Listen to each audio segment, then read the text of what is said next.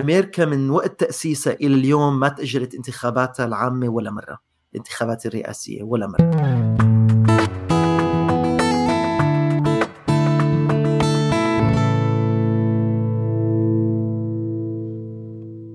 أهلا وسهلا فيكم بحلقة جديدة من بودكاست أفكار.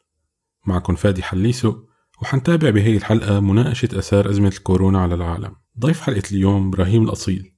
محلل سياسي وزميل باحث بمعهد الشرق الأوسط في واشنطن مع إبراهيم حنحكي اليوم عن تأثير الكورونا على الولايات المتحدة الأمريكية والعالم وحنستعرض معه أسئلة مثل ليش تأخرت أمريكا بالاستجابة لخطر كورونا؟ وهل حتأثر هي الأزمة على الانتخابات الأمريكية؟ هل حيكون ترامب هو المستفيد الأكبر منا؟ وكيف حيكون شكل العالم بعد هي الأزمة؟ هل نشهد نهاية النظام الرأسمالي أو تطعيمه أكثر وأكثر بسياسات اشتراكية أو حماية اجتماعية؟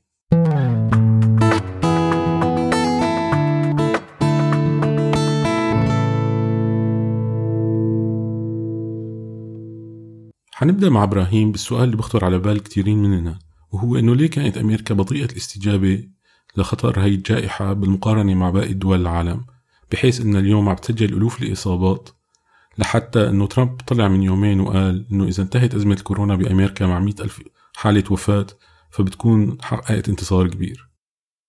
الحقيقة إنه آه، انتشار فيروس كورونا آه، كان له كثير أسباب آه، بعضها كان ممكن تفاديه للأسف وكان ممكن نكون نحن اليوم بمرحلة مختلفة أو بحالة مختلفة كليا لو أدركت الإدارة الأمريكية حجم الكارثة وتعاملت معها بطريقة مختلفة.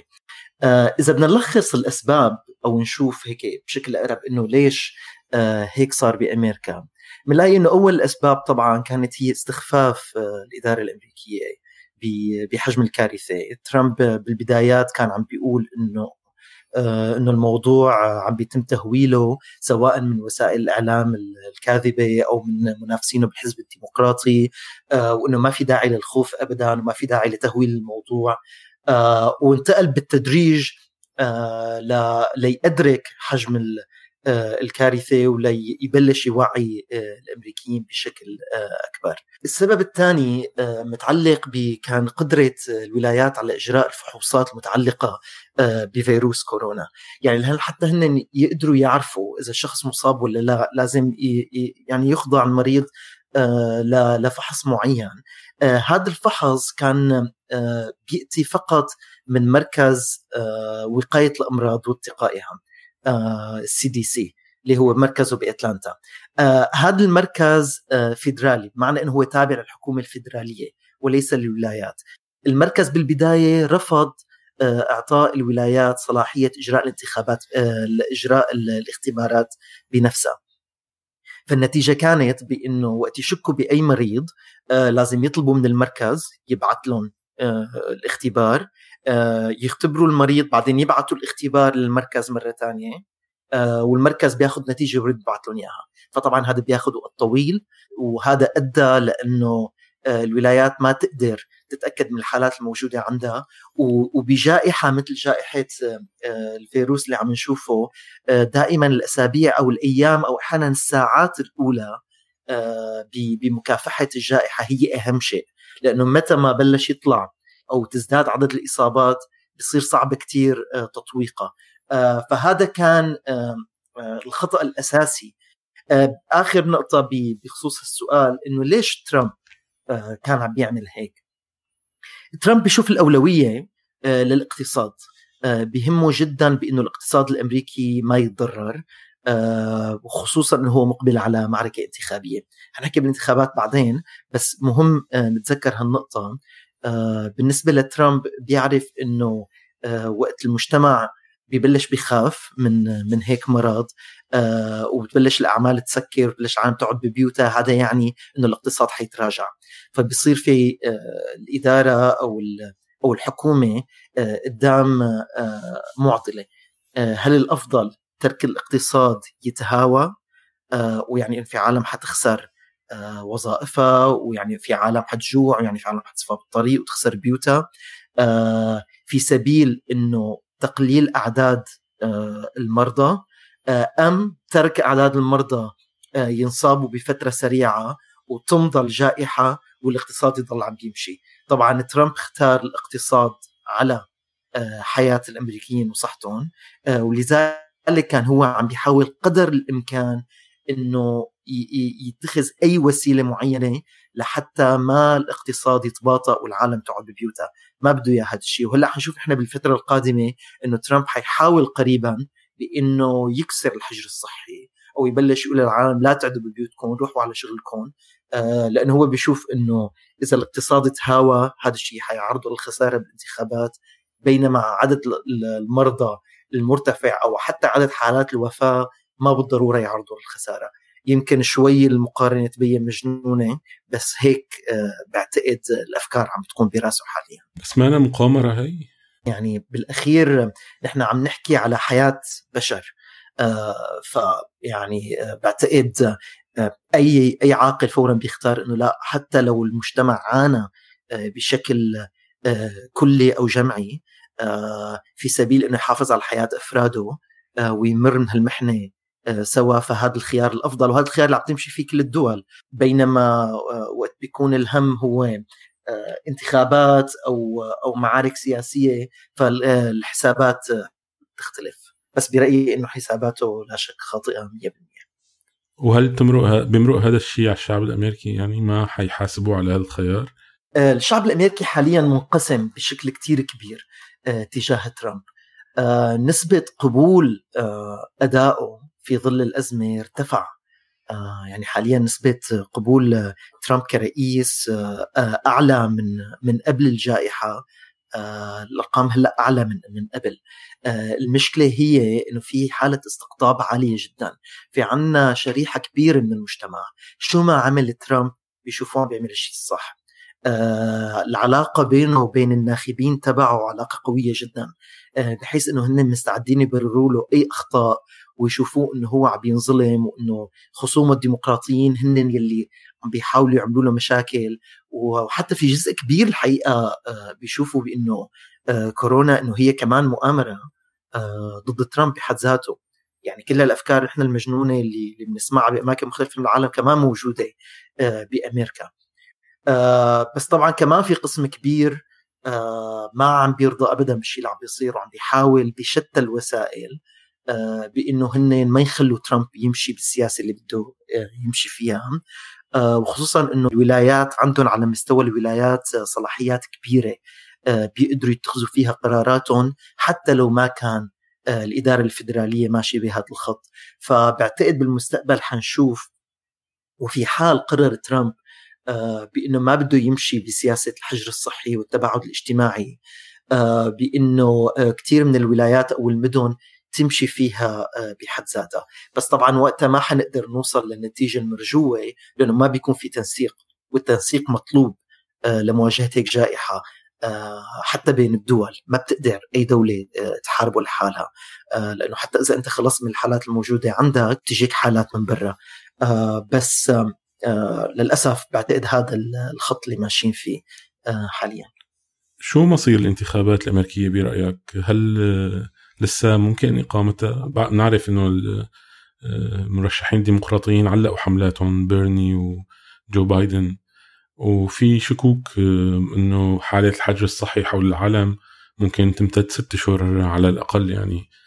في تقديرات إنه هي نحن مضطرين نحافظ على الحجر لنهاية آه صحيح. آه سؤال مهم كتير وله أثر كتير كبير على السياسة آه، بأمريكا ومستقبلها. آه، حاليا نحن كان في عنا ماشيين نحن بالانتخابات التمهيدية اللي هي الانتخابات داخل الحزب الديمقراطي للخروج بالمرشح يلي حينافس ترامب. آه، الانتخابات التمهيدية كان لازم تخلص بشهر حزيران. والمنافسين الموجودين حاليا هن بيرني ساندرز وجو بايدن. جو بايدن متقدم على ساندرز بشكل واسع. آه، وغالبا لو ما آه، لو ما مرينا بهالجائحة كانت الاتجاه ماشي لأنه آه، بايدن هو يربح.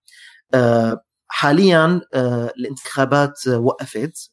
معظم الولايات يلي كانت لسه ما عملت الانتخابات أجلتها. فعنا هذا التحدي الأول اللي هو تحدي الانتخابات التمهيدية بحد ذاته. إنه هل حيقدر الحزب الديمقراطي يلاقي طريقة ينهي فيها الانتخابات التمهيدية ويخرج بمرشح؟ توافقي ولا لا الحزب حيمر ب آه، بأزمة داخلية وكمان يصير في آه، يعني شيء يضعف من شرعية المرشح؟ هذا السؤال الأول. بعدين بننتقل بأنه المرشح الديمقراطي بده يواجه ترامب في عنا بين حزيران لشهر 11 آه، بده يكون في مرحلة الحملات الانتخابية وبشهر 11 آه، الانتخابات. هلأ في عنا هون كورونا بدها تأثر على الحملات الانتخابية وعلى يوم الانتخابات. بلش بالحملات الانتخابية. آه، نتيجة انتشار الفيروس ما بيقدروا مطلقا المرشحين حاليا يعملوا يعني يلقوا خطابات أو يجمعوا أنصارهم. فهذا الشيء حيغير كثير من شكل الحملات الانتخابية بأمريكا وما بعتقد بس بأمريكا بكثير أماكن حول العالم. بس حنشوف تماما كيف هلأ الحملات الانتخابية حيحاولوا يغيروا كل شكل أو نموذج الانتخابات اللي آه، اللي كانوا بيمشوا فيه أو الترويج ل آه، للانتخابات اللي كانوا بيمشوا فيه. بعتقد حنلاقي شغلات حتصير اونلاين أكثر بعتقد حنلاقي آه، شغلات إبداعية أكثر لحتى يحاولوا يقدروا يوصلوا للناخبين وهن ببيوتهم ويحكوا لهم عن برامجهم. هلا هون في سؤال بيجي لاذهاننا إنه يا ترى هذا الشيء من مصلحة ترامب ولا من مصلحة المرشح الثاني اللي هو غالبا حيكون جو بايدن؟ آه في رأي قوي بأنه من مصلحة ترامب لأنه ترامب عنده بنية آه على شبكات التواصل الاجتماعي أقوى من غيره. آه عنده قدرة على التواصل مع ناخبيه على على الفيسبوك وعلى تويتر آه، بشكل آه، أكبر من من خصوم الديمقراطيين فإذا ما قدروا آه، يتخطوا هالتحدي هذا يمكن ترامب يكون له ميزة أو أفضلية بالسباق. هذا بيوصلنا ليوم الانتخابات. في احتمال وارد كثير فادي مثل ما مثل ما أنت قلت بإنه نوصل لشهر 11 وما نكون انتهينا من الجائحة. ويمكن نكون بحالة أسوأ يمكن نكون بحالة أفضل. لسه ما مبين بس من المطلوب طبعا التحضير آه، لمختلف السيناريوهات. آه، السيناريو الأول إنه هل من الممكن تأجيل الانتخابات؟ أمريكا من وقت تأسيسها إلى اليوم ما تأجلت انتخاباتها العامة ولا مرة. الانتخابات الرئاسية ولا مرة. آه، لا بظل حروب أهلية لا بالحرب الأهلية ولا بالحرب العالمية الأولى ولا الثانية ولا بأي من فترات تاريخها. الانتخابات الرئاسية مقدسة جدا آه، بعقلية الأمريكان آه، وتأجيلها كثير ممكن آه، يسبب ردة فعل قوية. فبعتقد إنه هذا غير وارد. ما ما بي وخصوصا إنه قرار التأجيل ما بيجي من, ال من ال الإدارة الأمريكية. يعني ترامب ما بيقدر ما عنده من صلاحياته يأجل هذا التأجيل بده يجي بده كمان موافقة الكونغرس واللي هو بده يكون في تعديل دستوري كثير كبير. آه، فالانتخابات حتصير بشهر 11 آه، هذا تقريبا بنقدر نكون متأكدين منه. شكل الانتخابات غير واضح لسه آه، الانتخابات برد بيرجعنا الحديث عن الانتخابات لتركيبه الولايات المتحدة بإنه هي حكومة فيدرالية تدير تحالف أو اتحاد بين بين ولايات بين 50 ولاية. كل ولاية مع إنه بنفس اليوم طبعا بتصير الانتخابات بس كل ولاية هي بتقرر كيفية إجراء الانتخابات. في ولايات كانت تسمح يصير الانتخابات عن طريق البريد حتى من قبل. آه، من ضمنها ولاية واشنطن آه، بالشمال الغربي. آه، من ضمنها ولاية أوريغون مثلا. هدول الولايات من قبل كانوا مجربين بأنه الناس تصوت عن طريق البريد وكانت ناجحة تجاربهم. فممكن جدا حاليا بأنه يتم تبني هذا الأسلوب. بأنه الانتخابات تتم عن طريق البريد أو تتم عن طريق بأنه بيبعثوا آه، الاستمارات للناخبين ويحددوا لهم صناديق معينة بيقدروا يروحوا يحطوهم فيها بحيث ما يصير في تجمع عدد كبير من الناخبين بنفس المكان، التحدي الكبير بإنه التنسيق بده يتم بين الولايات بينما كل ولاية بدها تدير العملية بنفسها. آه وأكيد حيكون في تحديات كبيرة آه على المستوى اللوجستي حيكون على مستوى الأمن. حيكون في إقبال برأيك؟ ولا الناس حتخاف؟ وإذا ومين بيستفيد من ضعف الإقبال برأيك؟ هل ترامب هو المستفيد ولا جو بايدن؟ بنعرف إنه بالانتخابات الأخيرة انحكى كثير بإنه آه، القاعدة تبع ترامب هي القاعدة اللي بتصوت شو ما كان هو استفاد من ضعف التصويت عند الديمقراطيين بسبب الحملات اللي تعرضت لها هيلاري وما شافوا بهيلاري المرشح اللي بيمثلهم فهل هي المرة كمان حيكون ترامب مستفيد من الضعف بالإقبال إذا صار؟ تماما. ترامب اللي استفاد منه آه، هو آه، ضعف الإقبال على التصويت ضمن الناخبين الديمقراطيين وارتفاع آه، نسبة الإقبال بالتصويت عند الناخبين الجمهوريين. جو بايدن كان عم بيحاول أو بيرني ساندرز في حال ربح المرشح الديمقراطي كان عم بيحاول والحزب بأنه يشجع الناخبين من الحزب الديمقراطي يصوتوا أكثر حيكون تحدي كثير كبير. يمكن ما واضح مين حيستفيد ومين لا. بعتقد لنجاوب على سؤالك فادي بدنا نحاول نتوقع بإنه مين الولايات اللي حتكون متضررة أكثر من غيرها. هل الولايات يلي نحن حنوصل لشهر 11 هل الولايات اللي هي عموما آه، مناصرة لترامب حتكون متضررة أكثر ولايات الجنوب على سبيل المثال؟ أم لا في عنا ولايات الساحل الشرقي وولايات الساحل الغربي اللي هن عموما آه، مناصرين للحزب الديمقراطي وحيصوتوا آه، لصالح المرشح الديمقراطي. نسبة تفشي الفيروس بشهر 11 بكل ولاية حيأثر بس صعب نعرف لأنه ما بنقدر نتنبأ شلون حيكون آه، الوضع آه، من هون آه، لشهر 11 يعني شفنا نحن عم نحكي بشهر واحد كيف تغير شكل العالم كليا. طيب إبراهيم بدي أسألك شوي بعيدا عن الانتخابات وبظل أزمة الكورونا. كيف شايف العالم حيتغير بالمستقبل؟ يعني بالأسابيع الماضية خلينا نقول آه، لقينا أصوات كتير عم بتقول إنه لو كان في اليوم رئيس آخر بأمريكا غير ترامب رئيس غير انعزالي مثل ترامب كان الوضع مختلف كان العالم قدر يشكل جبهة لمواجهة الجائحة آه، مثل ما صار مع إيبولا. لقينا كتير ناس عم تتحسر على قيادة أوباما للتصدي للإيبولا. وبنفس الوقت كتير كتاب باليومين الماضيين كتبوا بهذا على أساس بإنه جائحة مثل هي لا تواجه بالانعزال وإنما بالتعاون. شفنا يوفال هراري آه، كتب عن هذا الشيء وكيف إنه العالم اليوم يفتقد لقيادة جماعية. واليوم حتى جوردون براون رئيس الوزراء البريطاني السابق كان عم بيكتب بشيء مشابه بأنه العالم بحاجة لحكومة آه، عالمية global government تقدر تتصدى لهذا التحدي. برأيك كيف هي الكارثة اليوم حتغير العالم؟ باتجاه انعزالية أكبر نحو إغلاق الحدود أكثر و... وكل دولة آه، تهتم بإدارة شؤونها لحالها. مثل ما عصير اليوم بالاتحاد الأوروبي محل ما تقريبا الاتحاد الأوروبي غائب عن السمع وكل دولة بأوروبا آه، مهتمة بمصيبتها أو حنلاقي آه، تعاون أكبر وحافز لتعاون أكبر ولتفعيل مؤسسات الأمم المتحدة أو حتى خلق مؤسسات جديدة. آه، تماما فادي. الحقيقة هذا يمكن آه، أهم سؤال وأكبر سؤال عم بيواجهنا حاليا إنه آه، كيف حيكون شكل العالم على المستوى الكلي؟ آه، بعد بعد هالجائحة.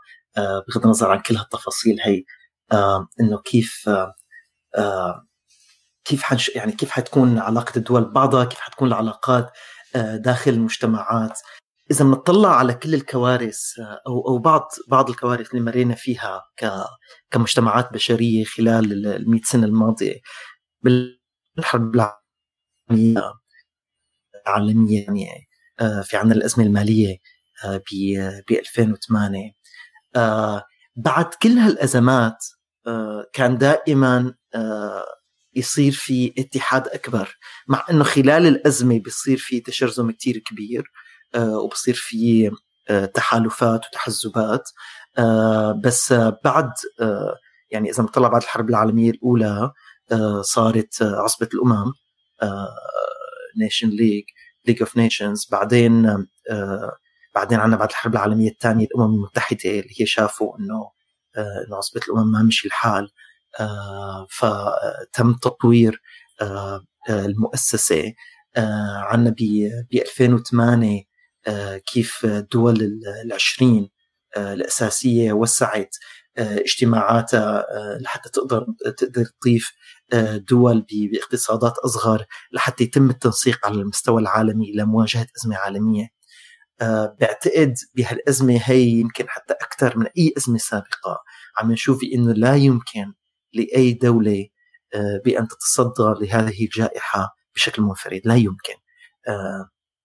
لأنه حتى إذا هي الدولة قدرت تتخلص آه، من انتشار الفيروس آه، حيوصل آه، لدول ثانية بس حاليا نحن عم نمر بنفس الوقت بإنه عم نمر بأزمة عالمية الأزمة بسبب ترابطنا وما بتنحل إلا بترابطنا بس بنفس الوقت وبالتوازي عندنا حكومات بكثير أماكن مختلفة حول العالم هي حكومات عم بتحاول تشتغل أو تعزز الانتماء القومي آه، وتشتغل بشكل منفرد. عندنا بأمريكا آه، عندنا بالبرازيل آه، عندنا بالهند فعم نشوف بكثير أماكن بدول ضخمة وكبيرة في هذا التوجه.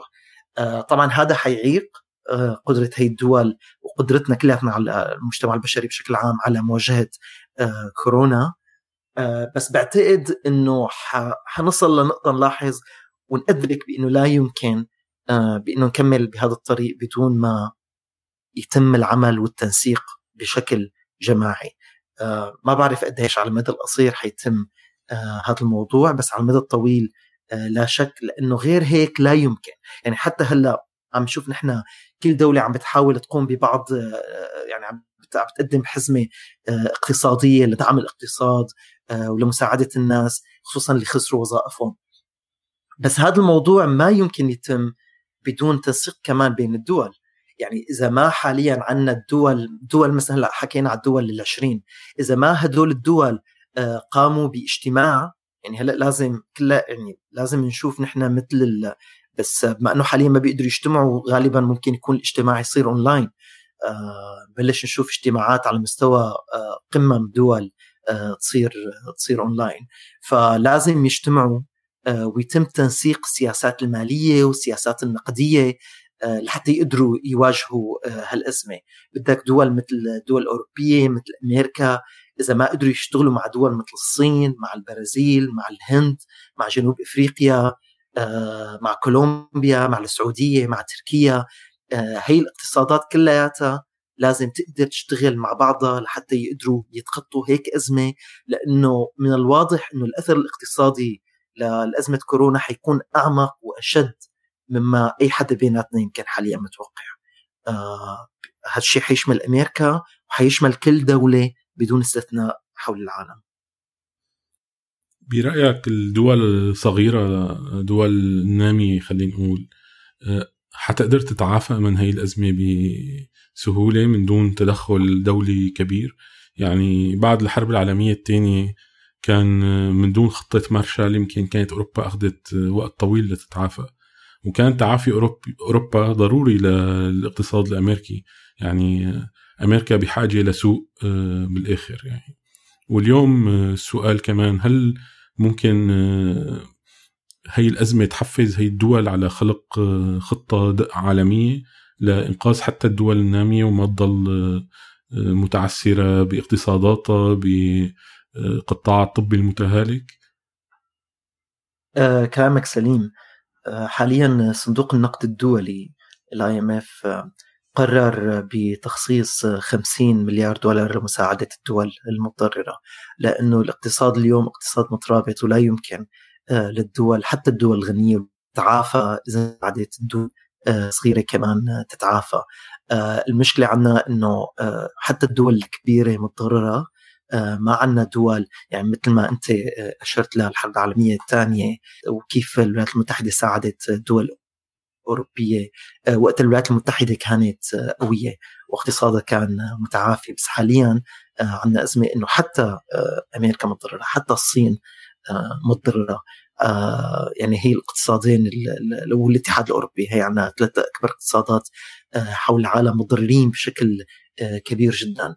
آه، فحيكون في تحديات كبيرة لحتى يقدروا يساعدوا أنفسهم اولا بعدين يساعدوا آه، الدول الاصغر بالنسبة للدول الاصغر آه، في عنا بعض الدول حتقدر تتعافى بشكل أسرع لأنه عندها ملاءة نقدية ممكن تستند عليها.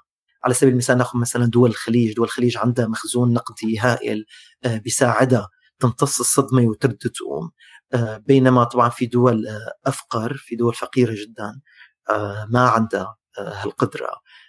ففقر هالدول حيضغط عليها اولا قبل ما نشوف الاثار الاقتصاديه على المدى البعيد. حنشوف إنه على المدى القصير هي الدول ما حتقدر تقنع العالم إنه يبقوا ببيوتهم لأنه لحتى تبقى ببيوتك آه، العالم بدها بدها تطعمي أولادها. آه، بدها تأكد إنه عندها دخل. وقت يوصل لمرحلة يلاقي آه، يلاقوا العالم إنه أولادهم جوعانين بيقول لك لا معلش أنا بطلع وبمرض ويمكن طيب يمكن ما طيب بس إنه لا يمكن اني أنا أبقى بالبيت. لازم أطلع على اجرب حظي فهي الدول حتعاني بشكل كبير خصوصا بمنطقتنا. حيكون صعب عليهم كثير بإنه يتعاملوا مع الموضوع أو يقنعوا حتى الناس تبقى ببيوتها بعد فترة معينة من الزمن. بده يبلش في تململ وبده يبلشوا الناس في حال ما شافوا خطة واضحة بأنه هن يتحدوا أو يكسروا موضوع الحجر الصحي. هل هذا الشيء ممكن يقود لحظر سفر طويل الأمد على دول العالم الثالث؟ لأن ما قدرت تنفذ حجر صحي وتسيطر على المرض؟ آه، ممكن جدا لا شك. يعني في الدول اللي الانتشار فيها كبير كثير مثل إيران مثلا آه، إيران حتنعزل لفترة طويلة لبين ما يقدروا آه، يشوفوا كيف ممكن يتخطوا الموضوع. الإصابات بإيران ممكن جدا يتخطى المليون. وحتى عدد الوفيات ممكن يوصل لمئات الآلاف وممكن أكثر من هيك كمان. الحالة بإيران كارثية جدا جدا جدا. طبعا كمان نتيجة أخطاء وتهاون واستهتار كتير كبير كان من الحكومة الإيرانية بمواجهة الموضوع. بس بس الأثر ما حيبقى بإيران. يعني آه، في النهاية مثل ما كنا عم نقول إنه الدول متصلة ببعضها بغض النظر عن المواقف السياسية وقت يكون هيك موضوع هذا ما بينتقل بالتحالفات السياسية ما بينتقل آه، بالشراكات آه، الاستراتيجية. هذا بينتقل بسفر البشر. هذا بينتقل بأن الناس تمر من نفس المطار آه، أو تروح لأسباب سياحة أو تجارة أو تعليم. فوجود آه، هي البؤر اللي عم ينتشر فيها بشكل كتير كبير وسريع. آه، مثل أمريكا مثل إيطاليا مثل إيران حيشكل تحدي كتير كبير لهدول المناطق. بيبقى طبعا دول أوروبية وأمريكا عندهم قوة أكبر بيقدروا يتعاملوا مع الموضوع بينما الدول بمنطقتنا وخصوصا إنه نحن عندنا مثلا بسوريا لسه ما بنعرف حتى آه، مدى حجم الكارثة ما في أي مؤشر نقدر نعرف منه آه، ومخيف الوضع الحقيقة مخيف جدا. آه، نتيجة تراجع القطاع الصحي نتيجة انتشاء أو يعني ارتفاع نسبة الفقر يعني الغذاء غير موجود الدواء غير موجود وخصوصا حتى مخيمات اللاجئين هذا تحدي كتير كبير في حال وصل عليها بهالاكتظاظ السكاني هذا. فكل هي التحديات حتكون آه، على كافة المستويات على المستوى الإنساني والاقتصادي آه، والسياسي. وممكن جدا بإنه دول معينة تفتح حدودها مع بعضها بس دول أخرى ما تفتح الحدود بناء على خريطة انتشار آه، الفيروس وأسلوب تعامل كل حكومة معه. كثير ناس اليوم بهي الأزمة كمان عم بتفكر على صوت عالي وبتتساءل هل نحن عم نشهد نهاية النظام الرأسمالي كمان عارفه يعني هذا النظام ظهر قدام هي الأزمة هش لدرجة إنه اقتصادات العالم عم تتهاوى آه، قدام آه، اضطرار العالم للحجر وإيقاف الحركة الاقتصادية. وبنفس الوقت عم نشوف آه، الدول واحدة بعد الثانية عم تتبنى حزم مساعدات اقتصادية لشعوبها. تتضمن كثير من المقترحات اللي بتتسمى اشتراكية. اليوم عم نشوف شيء بيشبه ال universal basic income عم بنحكى فيه بأمريكا بتوزيع مبلغ معين لكل العائلات. عم نشوف آه، كمان دعم للمش... آه، حزم دعم للمشاريع والشركات الصغيرة. آه، عم نشوف عم بنحكى عن ال universal health care الرعاية الصحية المجانية والعالمية. كثير كتاب كانوا عم بيقولوا كمان إنه أزمة مثل هي بتورجينا دور الحكومات لأنه لازم الحكومات تكون فعالة أكثر بمجال الصحي. وإنه الصحه باعتمادها على القطاع الخاص مثل أمريكا آه، ما قادرة توقف بوجه جائحة مثل اللي عم نواجهها اليوم. فهل برأيك هي التغييرات كلها حتدفع العالم نحو تفكير آه، معمق وأكثر ب هيك تعديلات جذرية على شلون بندير الأمور على الاقتصاد وعلى السياسة وعلى تضمين سياسات أكثر اجتماعية؟ لا شك بأنه وعي تشكل وعي الناس تجاه مهمة أو واجب حكومات تجاههم كثير بيتأثر في في ظل الأزمات سلبا أو إيجابا. بيتغير بي لا يمكن إنه أي مجتمع يدخل بأزمة ويخرج من الأز... من من هالأزمة بنفس التصور عن الدور الحكومة اللي بيتوقعه تجاه المجتمع. بالنسبة للسؤال إنه هل إنه كيف حيكون شكل النظام الرأسمالي هل سيتغير كما نعرفه أو لا؟ أكيد حيتغير كما نعرفه.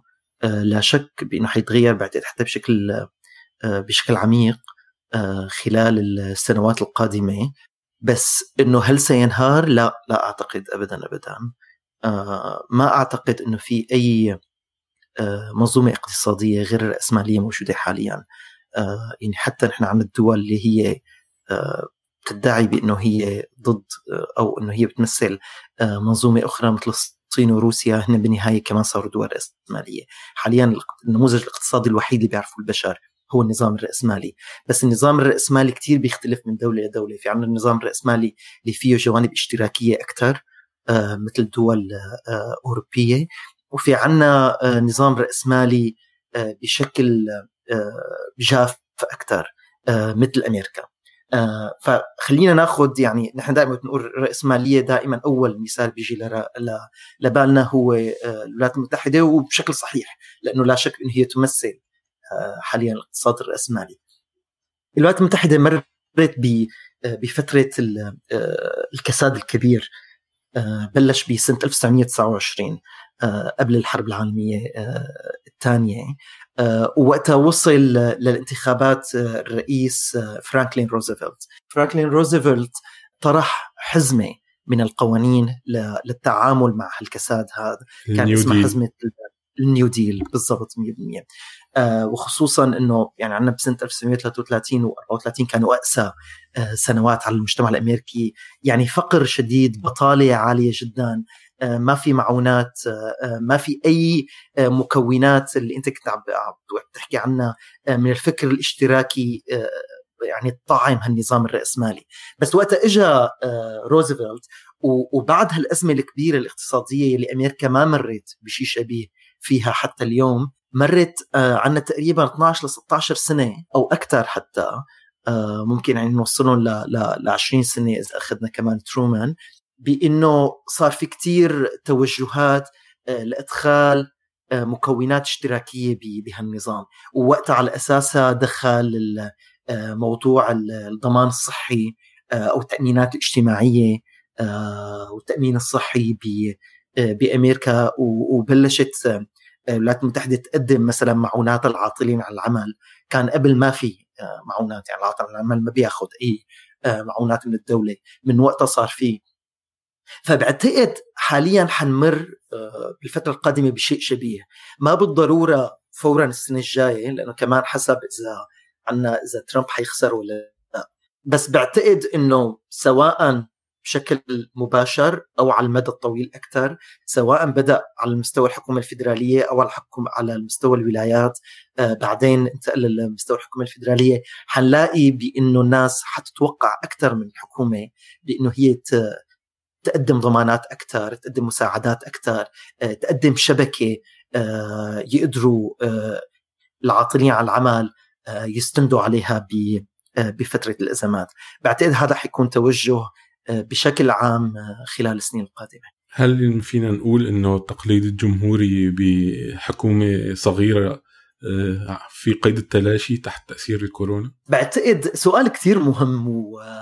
وكثير يعني بيحتاج لتفكير لأنه كمان إذا بتطلع على الطرف الثاني فادي آه اللي هو كان حامل راية التغيير اللي هو الجناح التقدمي بقلب الحزب الديمقراطي اللي هو بيرني ساندرز وإليزابيث وورن. بنلاقي إنه حقيقة برامجهم كمان ضعفت شعبيتها خلال الأزمة حاليا. يعني كأنه الناس عم بتقرب من اليمين واليسار يمكن للوسط أكثر بحيث أنه بحاجة ل لأنه الحكومة تتدخل بس مو بالطريقة الثورية اللي كان عم يقترحها بيرني. كأنه بظل الأزمات كمان الناس بتخاف من التغيير الكبير لأنه بتصير بتشوف إنه يمكن التغيير الكبير يفاقم الموضوع وإنه الأمور لازم تبقى تحت السيطرة. فبعتقد كثير آه، حيكون مثير للاهتمام بالفترة القادمة بإنه نشوف بإنه يا ترى هل آه، يعني بعتقد إنه إيه حيكون في ابتعاد عن فكرة الحكومة الصغيرة اللي بينادوا فيها الجمهوريين بس بنفس الوقت ما حنروح للطرف المعاكس تماما اللي هو القسم التقدمي من من الحزب الديمقراطي البروجريسيفز اللي هن آه بدهم دور أكبر بكثير آه آه للحكومة. آه وبنفس الوقت أحد التغييرات اللي حنشوفها آه اللي هي مرة ثانية بنرجع للموضوع إنه المستوى الفيدرالي ومستوى الولايات. آه بإنه كمان حنلاقي بعتقد آه، آه، الناس حتتوقع من حكوماتها على مستوى الولايات وعلى مستوى المدن حتى إنه يقدموا شيء أكثر آه، أو يثقوا فيهم أكثر لأنه حاليا بظل الاستجابه للأزمة. الحكومات المحلية بالبلدات والمدن والولايات هي اللي على الخط الأول بالاستجابة بالتشريعات والقوانين والقرارات التنفيذية. فبعتقد هذا كمان حيغير من توقعات الناس آه، بالنسبة للحكومة الفيدرالية والحكومات آه، المحلية.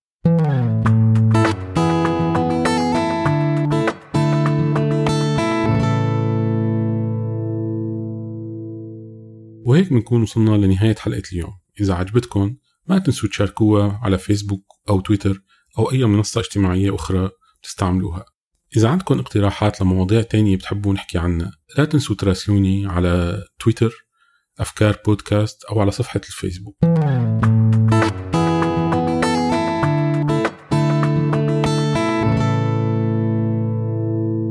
خلال شهر واحد أكثر من 3 ملايين أمريكي آه، قدموا على مساعدات آه، آه، البطالة يعني إنه خسروا هن أعمالهم. يعني عم نحكي عن تقريبا 1% من المجتمع.